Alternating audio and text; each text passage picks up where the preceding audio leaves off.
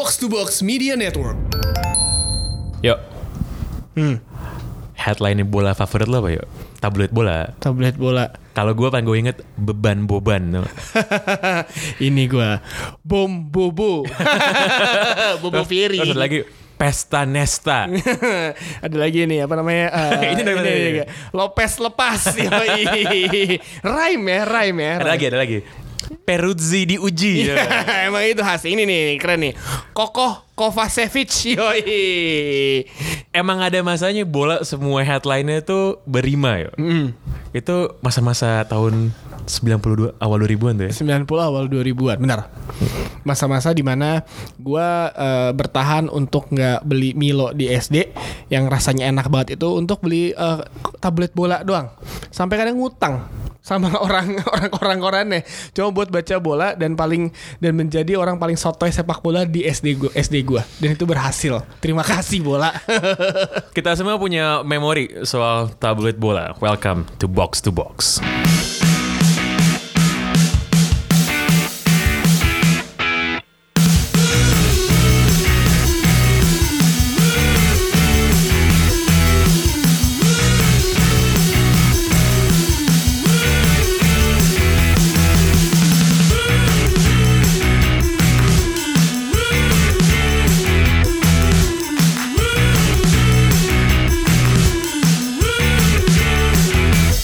Kemarin atau beberapa hari yang lalu lah, itu eh, beredar tweet dari teman kita dari Firzi Idris, managing editor dia, managing editornya bola yang bilang bahwa eh, bola akan berhenti beroperasi, lalu akan ada eh, edisi terakhir dari bola yang tadinya katanya hari Selasa minggu depan, tapi di revisi jadi hari Jumat minggu depan karena bola pertama kali terbitnya hari Jumat, terakhirnya harus hari Jumat juga. Katanya gitu. Ini eh, ini cukup menyedihkan sih sebenarnya. Entah dari segi apa ya? Mungkin dari segi romantika sih. Iya. Dari segi memori karena kalau lo penggemar sepak bola tahun 90-an yang segenerasi sama gua gitu sama Tio juga kalau mau coach Jason sih kejauhan. Itu pasti pas Gua kecil 2000. pokoknya pre-internet pasti yang sebelum internet pasti referensi utama lo untuk eh, nonton sepak bola itu udah pasti dari tabloid bola. Dulu tuh awalnya terbitnya hari Jumat aja lalu jadi dua kali tuh jadi Selasa sama Jumat dan itu pasti langsung rebutan di mana pun. Kalau di sekolah gue dulu dari gue SD kelas berapa tuh kelas 5 kali kelas 6 gitu yang bawa satu langsung dikerubutin sama yang lain gantian. Biasanya yang bawa bete yuk. Karena habis dibaca lecek soalnya ini ya, lecek. gitu. berantakan cuy yang eh, apa namanya eh, bagian depannya pasti udah nggak jelas bentukannya tapi isinya gue dulu sangat langsung gue skip yang bagian bola lokal karena gue gak ngerti. Terus sekarang jadi ngurusin bola lokal. Kayak gue karma deh kayak gitu deh. Gue tuh gue kalau baca tabloid bola tuh biasanya gue langsung ke tengah. Karena dia pu- punya ole kan ole. Oh iya, kalau iya, yang iya. ole itu yang khusus eh, khusus bola soalnya. Khusus bola. Ole itu di di di tengah-tengah dan biasanya dia bisa dipisah gitu kan. Hah. bisa langsung dipisah gitu. Eh Iya itu sih kayak gue tadi bilang ya. Jadi kita semua dulu pas zaman sebelum internet Sebelum bisa gam- gampang tinggal Google dapat informasi sepak bola dari mana pun eh Ya pasti bacanya dari, dari media olahraga Dan itu udah nomor satu Udah langsung top of mind Itu udah pasti tabloid bola gitu. Dan gue tuh suka banget dulu tau gak Ngebaca soal surat pembaca? Iya kan? Iya iya iya. Gini, bayangin, bayangin di sebuah periode di mana belum ada internet, lo cari informasi itu susah, gitu. Lo tahu nggak pembaca bola tuh ngirim apa ke bola? Contoh misalnya gini ya, saya penggemar beratnya Lazio misalnya. Saya suka banget sama Claudio Lopez gitu. Saya mau nanya dong, catatan karir Claudio Lopez main di mana aja, golnya berapa, main berapa kali, beneran men? Belum ada belum ada Belum Belum ada internet. ya? internet soalnya. Dulu tuh informasi seperti itu. Itu orang ngirim surat, ngirim surat ya bukan email, ngirim Iya, surat iya. ke bola, terus nanya gitu. Gimana sih?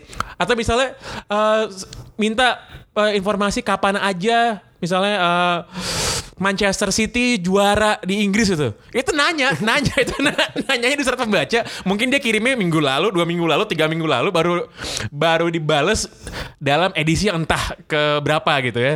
Lo bisa bayangin ya dulu ya bet- betapa pentingnya yang namanya koran, yang namanya tabloid bola gitu sebagai sebuah sebuah apa ya? Sebuah kitab suci sih sebenarnya Karena bagi penonton sepak bola di Indonesia. Karena emang ya zaman dulu kalau misalkan yang baru men- yang mendengarkan podcast box to box ini yang eh, masa SMP SD-nya sudah ada teknologi kayak nggak usah simpang nggak usah jauh-jauh deh. Masa SD-nya tuh udah ada Nokia 6600 itu lu pasti nggak bakal ngerasain susahnya nyari informasi dan lain-lain ya baca bola. Dulu gue beneran kayak nggak usah jauh-jauh deh nggak usah bola iya koran tapi kalau misalnya dulu belum ada live score internet gue malah mantengin tuh yang, yang screen bawahnya eh, eh, Metro TV tuh Ah, iya, kayak misalnya iya. dia udah update Running text score ya. kayak wah gak ada running text wah kampret tapi emang iya sih maksudnya bola itu menjadi sebuah pegangan jadi kitab suci benar kata pangeran kitab suci semua orang untuk yang suka bola.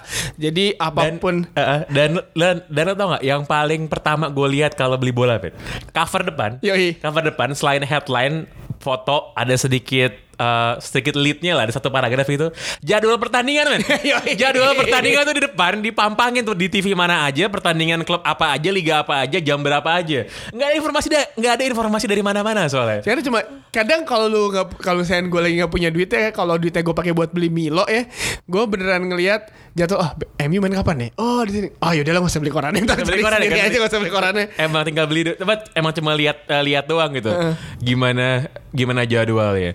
Dan gue tuh dulu suka banget kalau mereka punya tulisan-tulisan yang feature lah jadi yang non berita Yang gitu panjang ya? gue inget banget karena sa- satu entah kenapa yang gue inget ya ini berhubungan sama Belanda soalnya jadi gue lupa dia mengutip eh, koran Belanda ada anak kecil nulis mungkin kayak remaja gitu inilah timnas Belanda tahun 2010 dia bikinnya kayak awal 2000-an lah gitu Oke. inilah timnas Belanda tahun 2010 Kira kalau nggak salah prediksinya? prediksi Oke. menurut si anak kecil ini yang Iya, dikutip iya. sama koran Belanda dikutip lagi sama bola gitu Iya. Iya. kipernya Martin Stekelenburg ya kan Eh, pokoknya pemain topnya tuh Andy van der Meijden menurut si anak kecil ini Zar, ya, ya kan? striker utamanya Derkait ya kan? Iya. yang yang bener-bener jadi goal getter padahal kita tahu Derkait pada akhirnya nggak jadi goal getter Iya, kan ya iya. kan Eh, playmakernya itu adalah Rafael van der Vaart bener gitu tapi ada satu sih yang ajaib sih ini pemain random Belanda yang paling gue inget namanya soalnya Victor Sikora tau gak lo? Tahu. Iya itu random banget kan Victor Sikora itu setahu gue punya hanya beberapa caps tapi sempat dicoba kalau nggak salah di zamannya Marco van Basten. Pernah kan, pernah Iya. kan, pernah Main kan. Vitesse sempat dibeli sama Ajax. sama Ajax juga Iya. kan ya. Tuh gue maksudnya hal-hal kayak gitu tuh eh dulu kan buat pembaca Indonesia baru ya. Iya. Gitu kan karena lo bisa lihat berita, lihat berita-berita gitu. Gue ini ini menarik juga gitu ya informasi-informasi yang kayak gini. Dulu Feature-feature ngayal gitu feature-feature ya. ya. Udah gitu dulu tuh ada kolomnya Rob Hughes tau gak sih lo? Oh iya iya iya Rob iya Hughes iya iya gitu. iya iya iya. Gue sampai sekarang nggak tahu dia tuh siapa. Beneran gitu. Karena karena secara global, ya sekarang di media mana pun, gue nggak gue nggak Iya, pernah lihat dia gitu. Nggak pernah denger. Gak pernah denger. Cuman dulu kalau kalau sama Rob Hughes tuh bisa setengah halaman sendiri kayak kayaknya keren nih, keren nih. Apa jangan-jangan itu anonim kali? Enggak, dia mungkin fans yang disewa sama bola Soalnya ada nulis. fotonya, ada fotonya. Ada fotonya, soalnya. iya, iya. Ada fotonya. Tapi emang maksudnya eh, romantika kita sama bola apalagi yang dia hidup di tahun 90-an sangat sangat sangat tinggi sekali lah. Eh, lu membutuhkan semua informasi. Gue inget dulu pas MU treble itu gue gila tuh kamar gue sih ya koran bola semua berdebu sih. Di clipping men, di clipping nih potong-potong tempel ke buku. Eh. Terus eh, apa namanya? Yang menarik adalah gue dulu ya Liga Italia dulu porsinya sangat besar di bola karena emang lagi hits banget di Indonesia. Liga Inggris kayak ah kampret Inggris kok dikit banget sih, kan kesel ya. Tapi emang iya sih maksudnya kalau nggak ada bola mungkin gue nggak bisa, mungkin kita banyak orang kayak nggak bisa mengetahui bola eh, perkembangan sepak bola seperti apa dan mungkin tulisan-tulisannya seperti apa, pengetahuan bola lu juga mungkin kalau nggak ada bola ya lu sekedar berita biasa aja gak sih kayak di koran-koran lain atau di majalah-majalah lain. Jadi menurut gua eh, jasanya tabloid bola sih bagi gue pribadi sih lumayan ada besar sih Iya. di sini. Meskipun kalau gue itu romantika gue terhadap tabloid bola itu lebih ke zaman dulu sih. Jadi zaman dulu begitu apa eh, sebelum pre-internet lah. Sebelum, kan, iya. Sebelum kan kayak pas masih kecil gitu ngebaca gitu. Tapi yang namanya media, yang namanya media kan sebenarnya ya namanya juga media gitu kan, medium gitu, perantara doang sebenarnya.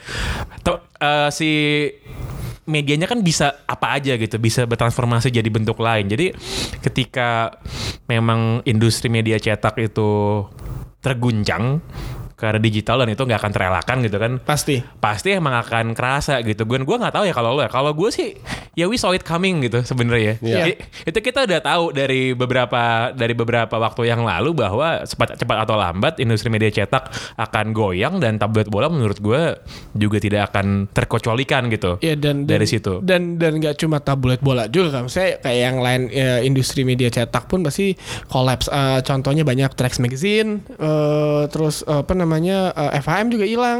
ya kan? FHM. Ya kan? Sial. Maxim masih ada nggak Maxim Maxim, gue kurang paham. tuh. Enggak sebenarnya kalau lu lihat kalau seandainya lu apa namanya eh, antisipasi di luar negeri di Eropa Barat Hmm. dan Amerika itu tren itu sudah meningkat dan dan gue merasa banyak pengusaha media di Indonesia itu mengabaikan faktor itu. Nah, kalau ngomongin di luar negeri, gue inget banget pertama kali gue di hire di 442, eh, itu bos gue tuh bilang kita eh, targetnya lima tahun nih dari 2014 sampai 2019 itu kita bakal gedein digital kita. Nextnya kita semua semua digital nggak bak- eh, Iya. ada, tapi cukup khusus untuk di UK doang. Maksudnya eh, apa namanya si majalahnya. Bis itu adalah majalah digital dan lain-lain karena emang dia mau gedein di situ kan. Iya. Eh, ya maksudnya dari luarnya mereka su- sudah melihat eh, ini akan datang dan apa namanya banyak banget yang sudah tutup dan harus dan telat untuk mengganti eh, platformnya ke digital which is ya ngomong which is lagi kan which is Eh. which is itu eh, sebuah se- sesuatu yang harusnya sudah di di di di diprediksi jauh-jauh hari nggak usah media cetak deh Eh, radio TV pun sebenarnya hampir kalah sama digital juga Betul. kan semuanya radio Lama-lama akan ke sana. radio aja sekarang kalang kabut dengan podcast kita ini ya kan Ah, ini apa? em, tapi sebelum sebelum eh gue nggak mau ngomong ancaman, sebelum bertransisi, sebelum shifting gitu ya ke dalam digital platform, sebenarnya eh, tablet bola itu sebagai market leader kan mendapatkan challenge luar biasa ketika top score muncul. Iya, betul, Jadi sebagai setuju. sebuah harian gitu, Iya, iya. sebagai sebuah koran sepak bola doang yang muncul tiap hari gitu. Dulu selama ya menurut gue kalau da- kalau dalam dalam landscape apa pun yang namanya incumbent gitu ya kan sebagai Iya. market leader ya kalau di challenge ada dua kemungkinan ya lo goyang atau lebih baik gitu Iya. karena lo akhirnya ada penantang sama kayak Pertamina Pertamina sekian lama gitu se- eh, Monopoli. monopoli tiba-tiba ada datang Shell yang sederhana doang mau di mau mau dibersihin kacanya udah gitu doang kan iya kan sama ini sama dianterin eh, apa namanya eh, kartu kredit lo Iya. jadi lo nggak usah turun Iya. Nah, cuman kayak gitu doang, cuma kan langsung bahwa marketnya punya pilihan lain gitu. Iya, iya, sama betul. kayak sama kayak taksi sama Grab atau sama Gojek, sama kayak ojek biasa pangkalan sama Gojek juga Iya. gitu. Ini lama-lama semua Gojek semua sih. cuman yang mau gue bilang adalah ya ini sebenarnya udah udah udah ada indikasinya pada waktu top score muncul sih. Ya betul. Dan gue masih inget banget karena eh, dulu top score itu kan di sa- f- salah satu founder itu kan Ropan eh, UK Kusna ini sama Kesit. Jadi waktu mereka meeting meeting itu gue dulu masih sering kumpul sama mereka lah. Di situ mereka sudah bahas kemungkinan dengan bola dan kebetulan gue juga punya teman banyak di dalam bola. Dan gue masih inget gue, lupa siapa siapa yang ngomong. Itu top score itu benar-benar diremehkan waktu itu sama bola. Dan mereka merasa ya mungkin agak jumawa arogan karena sebagai market leader tidak tergoyangkan nggak lama kemudian benar-benar goyang karena top score mempromosikan harian, yang pembacanya satu Dulu juta. tuh 2000 harganya dulu. 2000 Iya. ingatnya 2000 harganya dulu Iya, top score iya. kan tahun Dan- 2000 kayak pertengahan 2000-an tuh. Dan di situ zaman tahun let's say tahun 2007 2008 itu zaman gue punya uh, bisnis lapangan futsal. Di situ gue sempet bikin iklan to- total sekitar 200 300 juta. Gue invest di di tabloid bola dan itu sangat membantu. Jadi uh, ju- jualan lapangan itu ratusan udah kayak kacang goreng. Jadi gue nggak usah cari klien. Tiap minggu ada aja yang telepon untuk beli beli lapangan. Nah di top score top score agak kesulitan dengan iklan dalam beberapa tahun karena mereka harian. Gue bilang sama UK waktu itu, gue kalau bikin iklan di tabloid bola dua kali seminggu, at least 10 kali se- sebulan, harganya mungkin hampir sama. Dan kalau lu sekali bikin iklan masih masih berlaku tiga hari, empat hari. Sementara lu bikin iklan di top score yang pada saat itu juga mahal, cuman sehari doang. Besoknya udah nggak ada lagi. Nah di situlah gue masih inget, tapi gue juga punya pengalaman buruk dengan tabloid bola. Kenapa coach? Apa lo berdebat soal Busquets? Jadi gini, Busquets. jadi plus and minus point lah. Plus poinnya adalah waktu itu kan gue sangat aktif di futsal sebagai pelatih tim timnas lima tahun ya. Gue berterima kasih terhadap tabloid bola karena mereka salah satu medium yang mengangkat futsal. Dulu kan nggak ada bola lob, nggak ada top top top score juga sih ngebantu, tapi tabloid bola itu sangat membantu kita lah untuk untuk ngangkat. Cuman dengan itu kan gue deket dengan beberapa wartawan bola. Ada salah satu wartawan, nggak usah gue sebut namanya, itu yang fitnah gue dan fitnahnya itu benar-benar kejam. Jadi gue interview dengan wartawan cewek, gue masih inget itu di PSSI, di luar PSSI, karena gue ke- sering sering ke gedung PSSI kan ngobrol-ngobrol-ngobrol, oke, deal.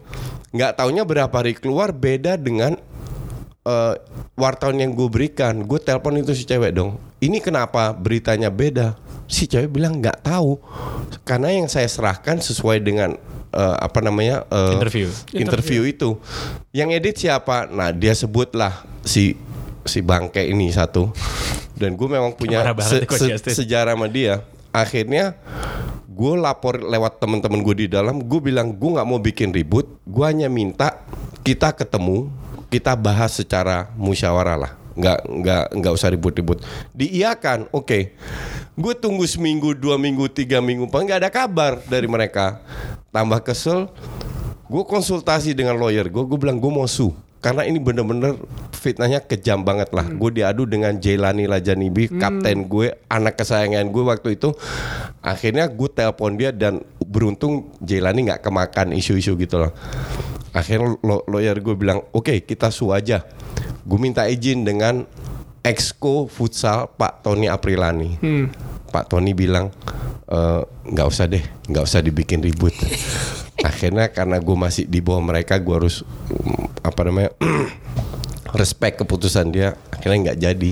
Nah, jadi pada saat gue difitnah itu, itu juga pada saatnya gue keluar 240 juta buat bola. Lu kebayang nggak? Lu udah keluar duit terus lu Buat difitnah iklan? dengan iya buat iklan. Udah keluar duit terus lu difitnah dengan ma- majalah yang sama. Gimana keselnya? Iya kalau bener-bener fakta. Kalau sana bener-bener terjadi lu hajar gue di situ nggak ada masalah. Tapi ini bener-bener fitnah dan itu di dikonfirmasi dengan wartawan cewek yang Iya. ambil interview Tahun berapa nih coach?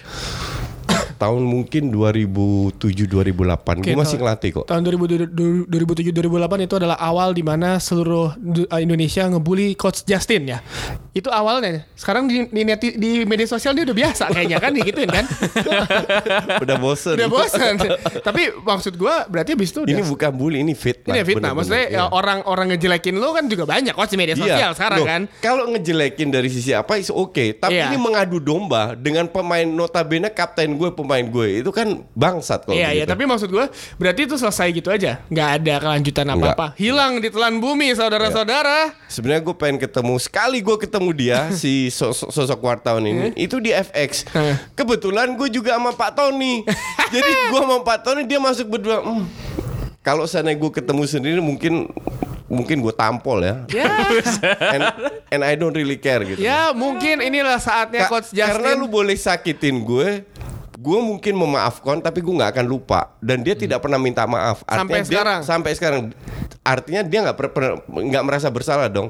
Makanya gue sebenarnya tunggu waktunya gue ketemu sendiri sama dia. mungkin ini tunggu waktunya pas uh, bola edisi terakhir lu samperin dulu lu su- Oh enggak dia udah keluar dari situ. udah kok udah samperin pribadi nih ha, Gue tahu sih orangnya kayak kayak kayaknya ya kayaknya ya. It's kayaknya. getting serious nih, ha. Nah, cuman cuman balik lagi eh gini, em gue kayak yang gue tadi bilang ya bahwa romantika gue tuh sebagai pembaca ya romantika Iya mor masa kecil bukan romantika di Amor juga. Lo lo kalau kalau ngomongin sama yang milenials juga nggak ngerti referensinya gitu. Nggak soal gini soal kan terakhir romantika dia Amor. kayak gimana lagi? Romantika di amor. Pengiring asmara kita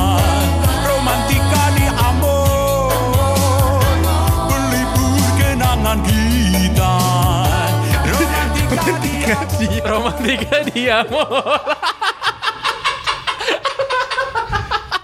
Oke oke. sama kayak ini angin tak dapat membaca Anjir, itu anjir, Oke oke oke. Ya balik lagi tayo. Romantika di Amor. biasanya kan setiap kali ada majalah eh, yang tutup baik di Indonesia ataupun di luar itu kan kayak langsung tuh senjakala. Gue yakin banget dulu tuh apa ya senjakala pertama kali ya. Pokoknya ada orang nulis kolom kalau nggak salah opini di Kompas apa di mana gitu. Senjakala media cetak gitu bahwa media cetak terancam dengan digital. Gue sorry sorry nih ya gue sih menolak untuk berbagi romantika soal si media cetaknya gitu. Kalau gue punya romantika soal medianya secara spesifik gitu. Tapi bentuknya gitu sebagai media cetak gitu. Gini, kayak gue punya gue punya gue punya romantika dengan bola sebagai media, tapi bukan bola sebagai media cetak gitu, tau gak lo?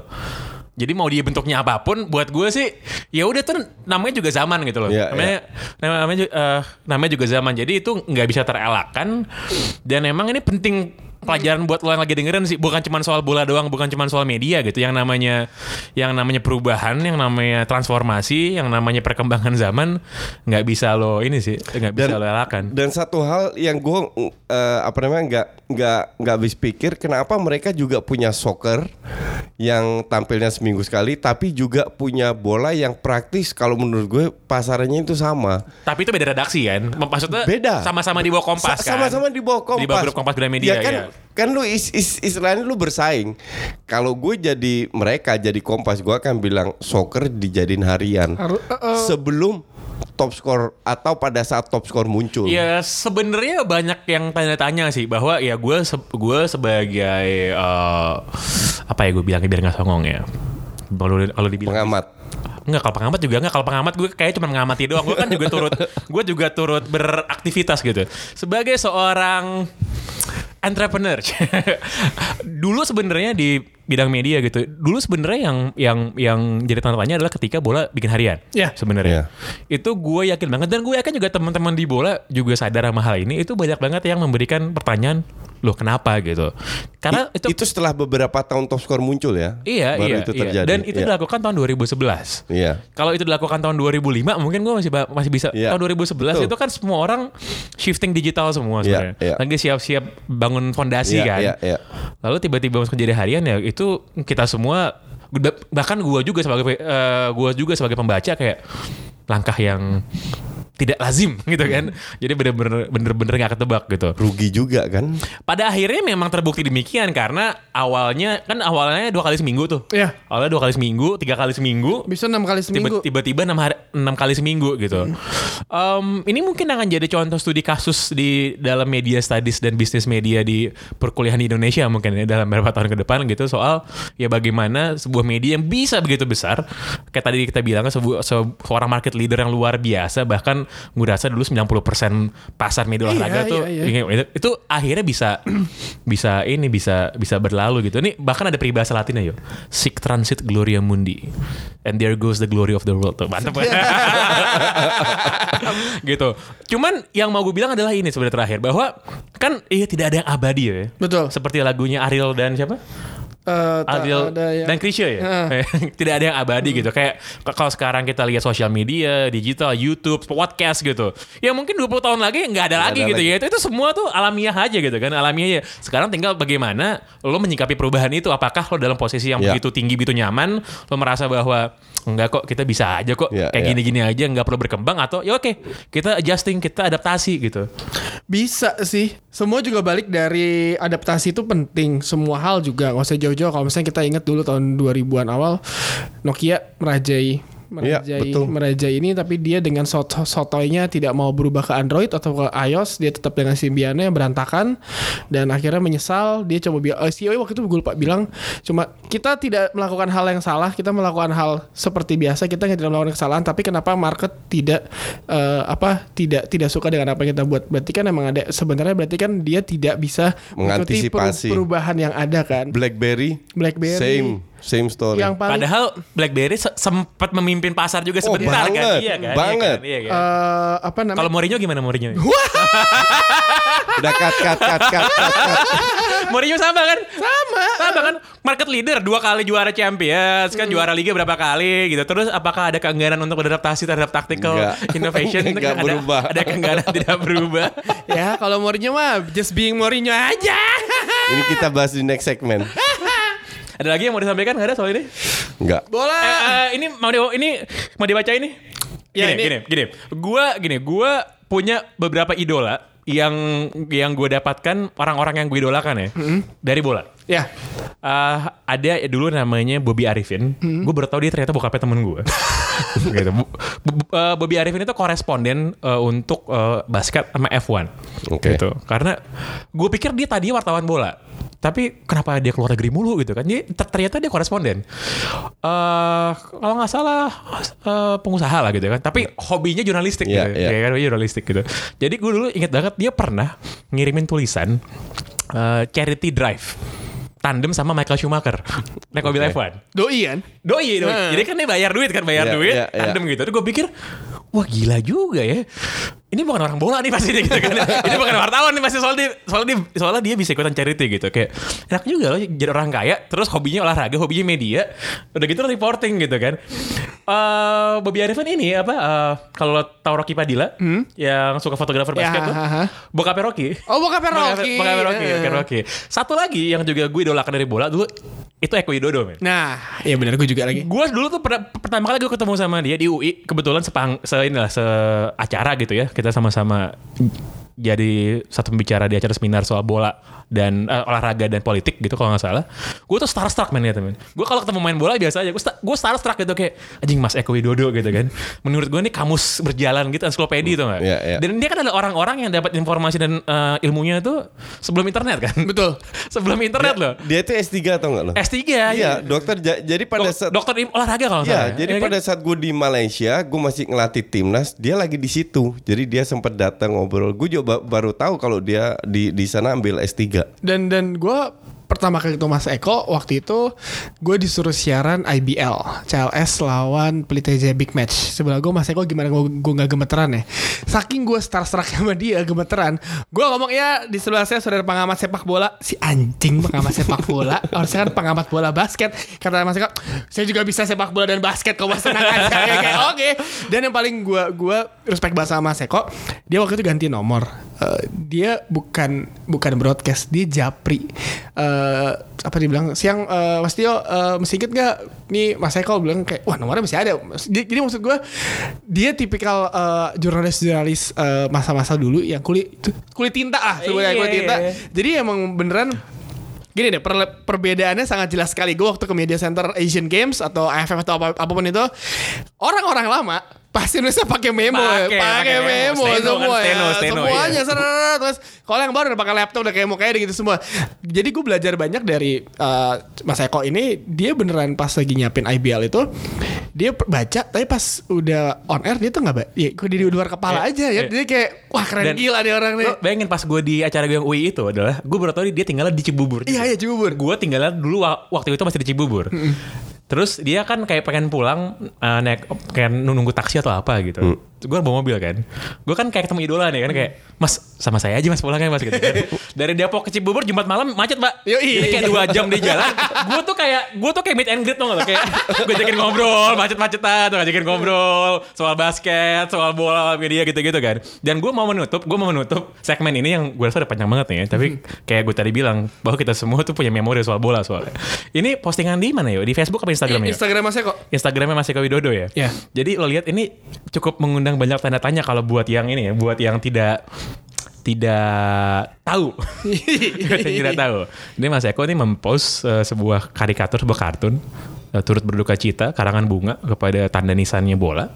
Terus ada tulisannya eh, akhirnya terjawab sudah siapa yang kompeten dan yang tidak kompeten Mantap. itu di gambarnya. Se- Sedangkan di caption, di caption, di caption postingannya, Ya. ini lebih ini lagi. Di IG ini? IG, IG. Oke. 23 tahun pernah di institusi yang menyenangkan ini dan jadi barometer olahraga Indonesia. Sekarang barometer itu hanya tinggal rongsokan di Museum Pers Indonesia. Hashtag Save Bola.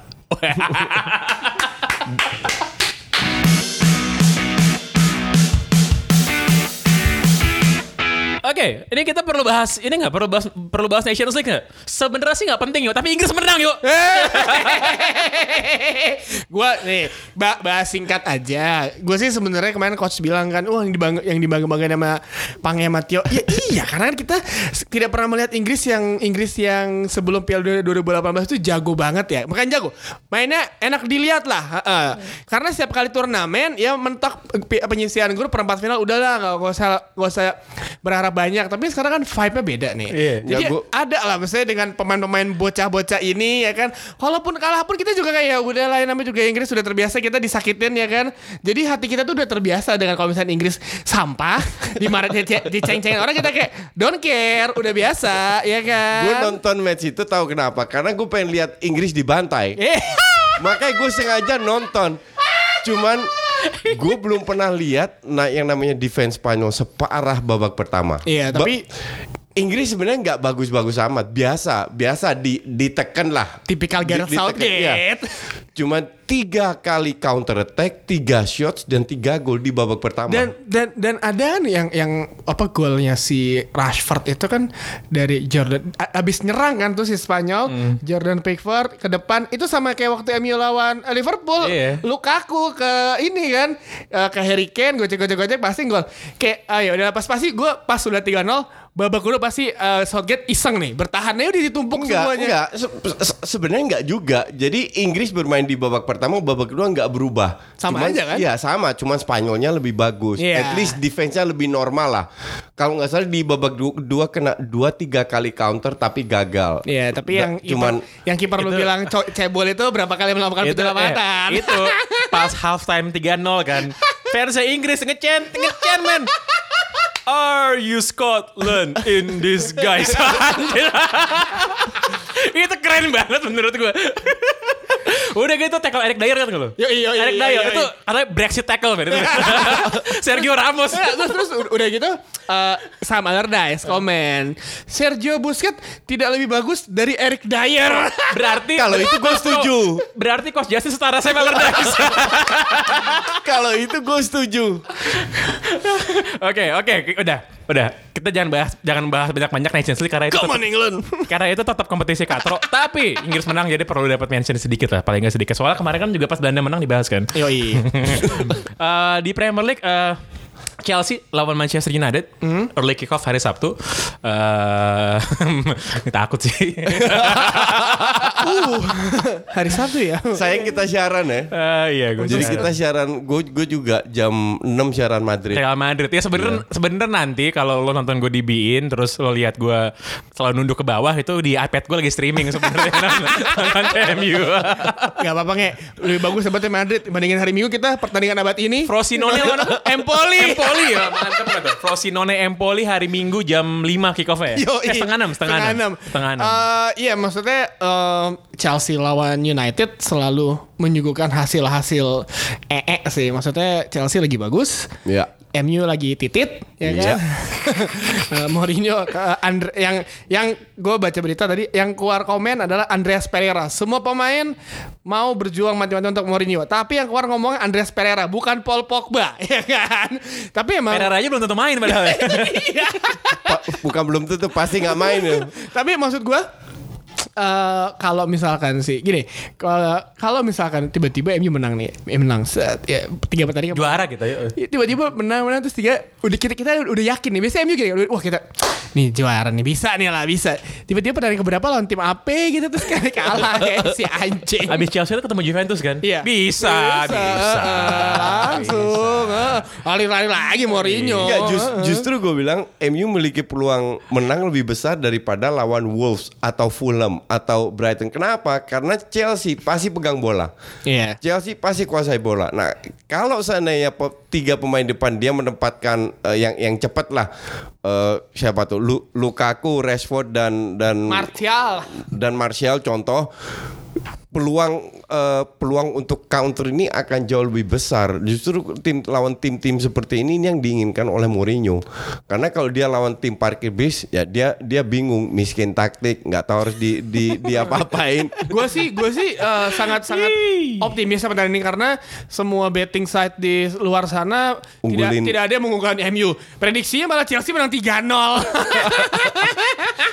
Jadi eh, harusnya main lepas eh, lawan Chelsea dan Mourinho itu ketika lawan tim-tim seperti itu bisa bisa bisa memberikan suatu kejutan kayak ketika mereka menang lawan Liverpool yang wow bisa menang juga. Sa- satu hal lu harus eh, ingat bahwa musim lalu pada saat MU jadi runner up walaupun ketinggalan 19 poin kontribusi De Gea itu luar biasa. Iya. Luar biasa punya. Gue musim lalu gue selalu bilang kalau nggak ada De, De Gea eh, MU udah rank 8 nih.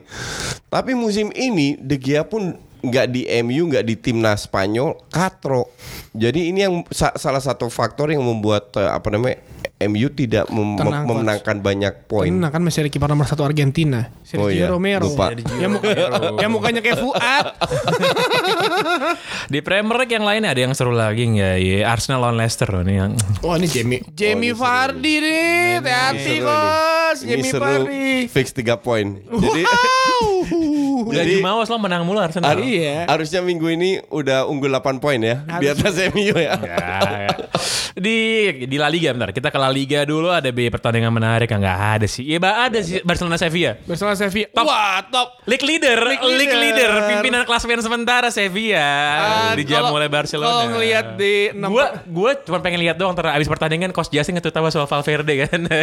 Gue sih nggak yakin Barcelona itu main wait, ma- main, Main di di kandang oh, di Camp Nou. enam pertandingan terakhir Sevilla dua kali kalah empat kali menang. Barcelona dua kali menang tiga kali imbang dua satu kali kalah. Ya Allah. Gue sih walaupun main di Camp Nou gue nggak yakin Ba- Barca bisa menang. Karena feeling gue eh, Se- Sevilla pasti akan main bertahan. Dan ya kembali lagi tergantung performa Messi. Kalau Messi yang lagi gila ya bisa aja. Kalau Messi nggak diturunin lagi sama si tapi Selesai. tapi eh, Selesai. tapi apakah udah saatnya Barcelona untuk tidak eh, tergantung kepada Messi nggak sih coach? Kalau misalkan ya tiba-tiba jangan terus tiba-tiba Messi pensiun atau apa gitu emang sudah harus Sebenarnya sih enggak karena dia sekarang baru umur 31 kalau nggak salah ya. Masih ada Jadi 4 5 5 tahun 6 tahun lagi. enggak sa- satu dua tahun lagi gue bilang em, magicnya sudah agak menurun. Atau enggak- Su- sudah waktunya diganti. Atau enggak mungkin bisa diubah pola mainnya kayak waktu Ferguson eh, melakukan itu ke Ryan Giggs. Setuju. Ya kan atau kayak Paul Beru- Maldini berubah berubah, pola, pola, ya, bermain. bet- betul. Dan itu Cuman- sebenarnya sebenarnya udah, udah terlihat dari Messi sekarang Passingnya kan. kan soalnya Iya. kan kan kalau passing itu kan nggak akan hilang sama, sama umur soalnya Iya, kalau betul, passing betul, gitu. Kecepatan Betul. masih Te- hilang. teknik tuh nggak hilang soalnya. Iya. Iya. Ta- tapi kita juga tahu bahwa Messi tetap ngandelin speed dan teknik. Nah, so far oke, tapi pada saat speed menurun, dia, Dia udah mau- dia berubah kan? Dia udah nggak bisa dribble lewat 8 9 orang lagi. Ya tapi sekarang kan kalau gue melihat Messi pun dia udah berubah pola eh, cara bermainnya berevolusi lebih menguntungkan bagi rekan-rekannya kan sekarang kan. lebih ke assist lebih lah ke, lebih lebih film. lebih ke ke tim player lah Iya, bukan iya, individual. betul, Tapi- betul. Dan ini berarti udah disiapkan nggak kayak Madrid kehilangan Ronaldo bingung nyetak gol gimana ya kan depan gawang. dan nggak beli pemain bintang lagi. Ya terus tiba-tiba Levante kalah lagi. Seru tuh. Eh, dari ini dari eh, Serie A. oh ini bahasa Frosinone lah inilah. Oh kita harus bahas soal Frosinone ya. Frosinone lawan Empoli. Jadi gue ulangin lagi nih. Gue sama Tio ntar hari hari Minggu siaran jam 5 mulai jam 5. Frosinone lawan Empoli. Lo tau apa yuk soal Frosinone?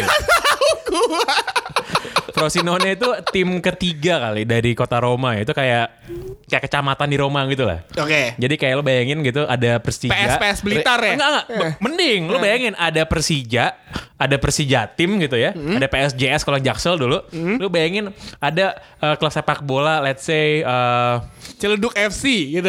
Ciledug Iya, FC, iya, iya. Cawang United nah gitu kalau gitu. Ciputat Bersatu FC gitu ya. Jatinegara merekah. gitu. Jadi itu lawan Empoli menurut gue Dan dan ini kemarin gue bercanda sama Pange di ada grup WhatsApp gitu. Kita ngomong kayak ini dia nih apa pertandingan abad ini, pertandingan tim terbaik Serie A urutan 18 dan urutan 19 ya kan. Tapi tim-tim kayak gini kan mainnya lebih Fight. kadang lebih lebih lebih menarik dibandingkan tim-tim atas. Ini kan sih? da- direct competitor. Ja- jadi tiga poin untuk kedua tim ini sangat penting. Iya dari komentar Frosinone enam pertandingan kalah terus. Siapa tahu ntar menang. tuh lihat tuh merah semua. Frosinone peringkat ke-19. Ah, Empoli, Empoli peringkat ke-18 Relegation battle man.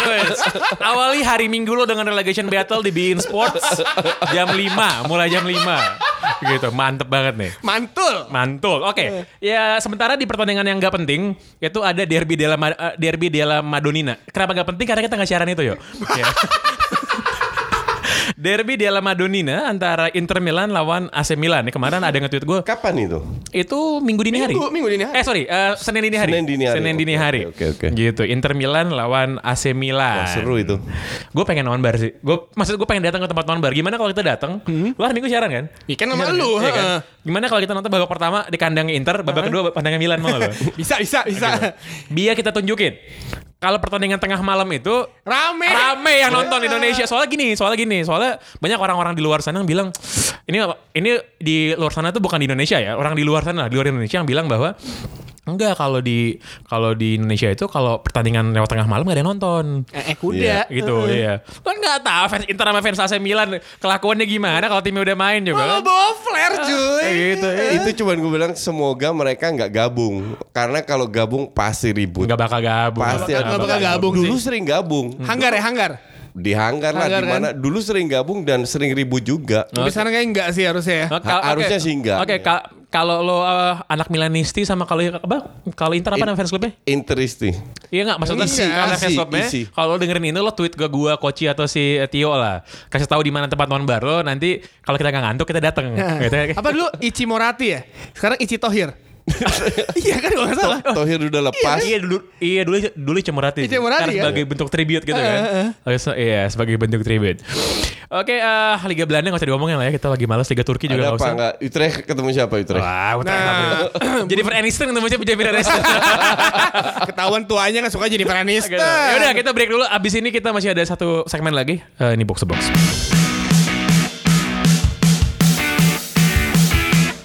Ada beberapa kabar ini sebenarnya segmen ketiga nih segmen yang bikin box to box beda sama yang lain. Kemarin tuh ada yang nge-tweet kita kayak sebenarnya box to boxnya paling seru itu bukan kenapa MU mainnya gini, kenapa Barcelona mainnya gitu karena itu bisa dilihat sendiri. Tapi hal-hal trivial seperti Hagen Dazs tuh yang kemarin.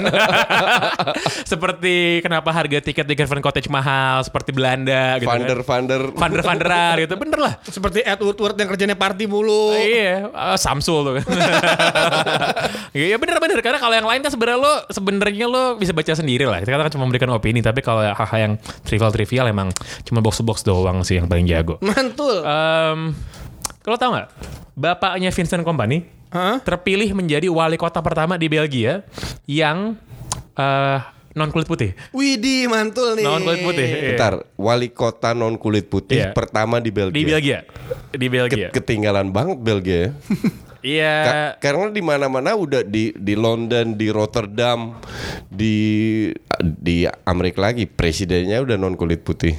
Gitu, iya dia eh, jadi katanya siapa sih nama bapaknya Pierre Company. Ya, jadi Pierre Company ini da- datang ke Belgia tahun 75 sebagai pengungsi. Ya. Sebagai pengungsi, lalu dia kerja jadi jadi kerja jadi mahasiswa jadi supir kalau nggak salah pernah segala macam sampai Struggle lah ya. struggle lah. Terus dia ternyata eh, oh enggak, jadi abis dia eh, jadi supir kuliah dia jadi insinyur, insinyur mesin, insinyur mesin terus masuk politik, jadi eh, jadi penasehat di pemerintahan terus jadi anggota DPR. Oke. Terus dia akhirnya kepilih jadi eh, wali kota pertama yang berkulit hitam gitu. Karena kalau lihat Vincent Kompany itu satu dari sedikit pesepak bola yang emang cerdas sih, cerdas secara intelektual ya, Yep. gitu kan. Karena, emang, karena emang gak banyak pesepak bola yang memiliki degree kan. Iya, kalau dia tuh emang pinter lah bahasanya bisa banyak dan lo bisa lihat. Lo bandingin sama Harry Kane lo udah. Kalau menurut gue Harry Kane tuh Harry Kane tuh udah udah stereotipikal pemain bola goblok udah lihat Harry Kane udah lah. gitu. Gitu. Karena apa namanya? eh, gue pernah ngomong gak sih di sini kayak eh, ada dua orang, di- ada dua pemain bola ditanya soal gimana efeknya Brexit ke Udah, Eropa. udah, udah. udah, udah ya. Harry Kane yang tanya kan? Yang satu Chiellini, yang satu Harry Kane. Chiellini kan punya degree di ekonomi kan. Wah, Brexit tuh FIFA segala macam fiskal, pajak, bla bla bla bla bla. Kalau kata Harry Kane, ya Brexit. Iya, benar. Nah itu tuh, itu orang-orang yang yang milih Brexit itu tuh kayak gitu tuh emang eh, kampret. Eh. gitu. Jadi ya kita ucapkan selamat kepada Bapak, Bapak Pierre Company gitu ya. Jadi, ini gue nggak tahu apakah pas dia running dia juga kena kampanye kena hoax gitu-gitu ya. Nggak tahu Media juga. ya. sosial dong. eh. Enggak, gue gue sebenarnya agak amazed ya karena gue anggap Belgia itu negara yang salah satu negara Eropa, negara Barat yang lebih progresif, terbuka. Bahkan kalau dibilang eh, mereka memiliki eh, wali kota non kulit putih pertama, untuk gue itu udah ketinggalan banget. Ki- kita tahu dulu Belgia bukan negara yang maha dahsyat yang men- menjajah kiri kanan cuman Kongo aja kalau nggak salah ya. Kongo, Kongo. Iya. Teman tuh Dan- parah di Kongo, Belgia tuh kelakuannya Iya, parah di Kongo. betul. tuh. Dan dan dan mereka mereka banyak sekali juga apa namanya eh, imig ada imigran dari Maroko seperti eh, Belanda. Makanya untuk gua agak Seperti aneh. Nasser Chadli ya. Lebih lagi. Jadi kalau lu lihat di parlemen Belanda itu anggota DPR yang non kulit putih yang imigran itu banyak banget dan wali kota pun banyak sekarang. Makanya kalau pas pas lu bilang tuh gue sih kok kok bisa seperti Tapi itu. Belgia ini emang negara ajaib sih. Emang negara ajaib sih. Kenapa? Karena eh, tahun 2011 ini gue ingat banget nih. Mereka 589 hari gak punya pemerintah men. Gak, nggak punya pemerintahan yang terpilih gitu nggak ada nggak punya government karena deadlock habis pemilu Ya, gitu ya, ya, jadi lima- eh, 589 hari nggak punya pemerintahan. Itu sering jadi joke soalnya. Tahun berapa itu? tahun 2011 baru baru baru baru, aja. tahun 2011 dia bilang kayak tuh kan sebenarnya pemerintah nggak perlu perlu amat oh, orang gak ada government tetap berjalan aja hidup gitu kan terus eh, di kabar lainnya ini juga banyak yang banyak yang nanya ke kita eh, soal gimana tanggapannya soal eh, rumor bahwa eh, Saudi mau membeli eh, sahamnya MU. Manchester United. Gue kemarin dikirimin artikelnya uh, gue lupa sama salah satu followers gue yang dia kayak akun bola Instagram gitu lah lumayan banyak followersnya. Tapi ngirimin linknya dari Daily Star gue bilang. Nah iya gini nih makanya oh, yang ya mohon maaf nih ya. Ma- makanya kalau gini kalau lo kalau lo punya kalau lo punya internet jangan beluan beluan amat gitu makanya. Lo cuman kena dikit ada kata oh Emi mau dibeli sama Saudi terus gini Daily Star tuh coba diceritakan yuk. Di Inggris itu Daily Star tuh media seperti apa yuk? Daily Star itu di Inggris media ala-ala aja kalau lu buka tuh ya. Ada tuh kok yang dia yang ada yang bagian yang cewek-cewek itu kan yang apa eh, maksudnya itu media jadi kayak pertama kali gue kerja di Filipina bos gue bilang gue udah tahu sih misalnya bos gue bilang jangan pernah ngutip dari Daily Star sama apa gitu ada beberapa ya emang karena emang nggak terpercaya apalagi kalau misalkan lu lihat berita Daily Star kalau lagi transfer rumor buset tuh halunya setengah mati tau nggak Iya, dan, dan, dan gini dan biasa dan ini nih ini berita di pick up ya diambil sama media-media di Indonesia juga Emang. gitu ya. Ini kayak lo tau gak Daily Star itu sumbernya tau gak siapa sumbernya? Sumber beritanya tau gak siapa? Akun Twitter at Daniel underscore K23 dengan 253 Twitter followers. Bayangin goblok tau gak lo? Kalau lo kemakan sama kayak ginian gitu. Bego makanya gitu. Kan kayak dari manakah Daniel K23 ini mendengar kabar ini gitu kan? Nah cuman lo tau gak? Karena diberitakan oleh Daily Star dan nggak ada media lain yang memberitakan itu. Jadi semua orang tuh cuma merefer ke Daily Star. Yep. Sahamnya MU naik 5% Pak. Harganya naik 5% karena uh mau dibeli Saudi nih kan gitu kan ya kan ya kan. Mau dibeli Saudi nih. tapi gitu. tapi emang emang kalau misalkan ngomongin MU eh, kalau pakai itu pakai pernah bilang eh, direksinya lebih senang lihat appsnya eh, appsnya bagus dibandingin mainnya karena apa yang dipromoin di media sosial tuh semua appsnya semua ya kayak eh eh deh maksudnya titit lah Enggak sebenarnya kalau kalau seandainya itu benar, gue nggak heran karena Saudi Arabia kan sekarang lagi dengan naiknya prince baru yang yang berkuasa, lagi ingin jadi liberal. Terus lagi ya. jadi bagi bermasalah juga. ya Iya. se- seka- Rip Jamal Khashoggi. Seka- sekarang kan cuman dia dia benar-benar mela- melakukan hal-hal seperti cewek bu- udah boleh nyetir, bioskop Iya. sudah ada, dia lagi bangun taman re- rekreasi paling gede di seluruh dunia. Jadi dua duit eh, seandainya dia mau beli value-nya MU itu kalau nggak salah 4,15 Ya, miliar euro. sepotong kue lah bagi dia Itu lah. nothing buat eh, dia. sepotong Ap- kue lah. apalagi dia lihat bahwa musuhnya Qatar sudah aktif di dunia bola. Maka dari itu untuk gue sih kalau seandainya ini benar ini bukan apa namanya? Panas bang. Gue nggak kaget Nggak lah. sih, kalau menurut gue sih nggak, menurut gue Nggak bakal. not gonna happen, nggak akan kejadian. Apalagi sekarang momentumnya lagi nggak banget nih. Pokoknya apa yang berhubungan sama Saudi sekarang kan lagi Oh iya, kalau- lagi bermasalah kalau- banget kan kalau gara-gara. sekarang iya. Oke, kalau lo nggak, kalau oke, kalau lo gini ya, kalau lo kurang banyak baca gitu, ya, lo kurang tertarik sama bagaimana dunia ini bekerja gitu ya. Lo cuman baca soal eh, apa? Baca soal apa ya? Awak Karin pensiun dari Instagram. Eh, jadi ada wartawan Washington Post namanya Jamal Khashoggi. Dia masuk ke kedutaan Saudi di Istanbul. Katanya mau ngurusin surat-surat mau nikah katanya. Iya, betul. terus dia nggak keluar lagi. Katanya mati dibunuh terus di ini apa? Mutilasi. dimutilasi. Di Dalam tujuh menit. Dalam tujuh menit katanya. Asli. oleh 15 orang katanya kan Iya, oleh iya. 15 orang jadi sekarang tuh banyak banget kayak acara-acara berbagai macam perusahaan tuh semua lagi menjaga jarak sama Saudi jadi kalaupun kalaupun ada secercah kebenaran dalam rumor MU mau dibeli sama Saudi di titik ini pasti dibatalin beneran percaya pasti dibatalin iya, kalau- kalau Iya kan? sekarang iya, iya pasti sure. dibatalin dan sekarang tuh nggak ada bukti juga selain Daily Star tuh nggak ada sumber sama sekali soalnya Yang percaya di Star. Inggris itu kalau nggak salah ada empat harian majalah yang di tiap hari diisi dengan bola. Maka dari itu jangan kaget kalau banyak rumors-rumors yang nggak nggak jelas. Dan satu hal yang jadi gue kan sama fans Liverpool tuh hampir 99% nggak punya persamaan yo ya. Fans, dengan fans Liverpool. Kecuali satu hal yo. Don't buy the sun atau ya. Pokoknya jangan baca the sun, sampah tuh the sun emang. Nggak, tapi kalau sisanya gue beda sama fans Liverpool. Tapi dalam hal itu benar. Dan yang yang yang model-model kayak the sun itu yang menurut gue di Leicester tuh sama gitu. Iya. Eh, bombastis tabloid lah. Jadi benar-benar Iya, iya, sensasionalis gitu kan. Heeh. Gitu. Oke, ada kata-kata terakhir dari Coach Justin sebelum Arsenal kalah lawan Leicester. Nggak ada. Gue semoga eh, setelah Senin ini eh, perbedaan kita jadi 8 poin. Itu aja. Ya mungkin, nggak mungkin. yuk, nggak ada yuk. Nggak ada kok. Oke, eh, itu tadi eh, box to box. Jangan lupa untuk eh, dengerin juga podcast kita yang lain di jaringan box to box media network. Untuk basket ada box out, untuk sepak bola Indonesia ada umpan tarik, untuk hal-hal yang nggak penting-penting amat ada retropus. dan dan dan kita punya pengumuman, kita punya satu line up podcast baru soal film dan TV series namanya uh, The Showbox dan di episode pertama kita bakal ngobrol sama Jeffrey Nicole. Box to Box, sign out.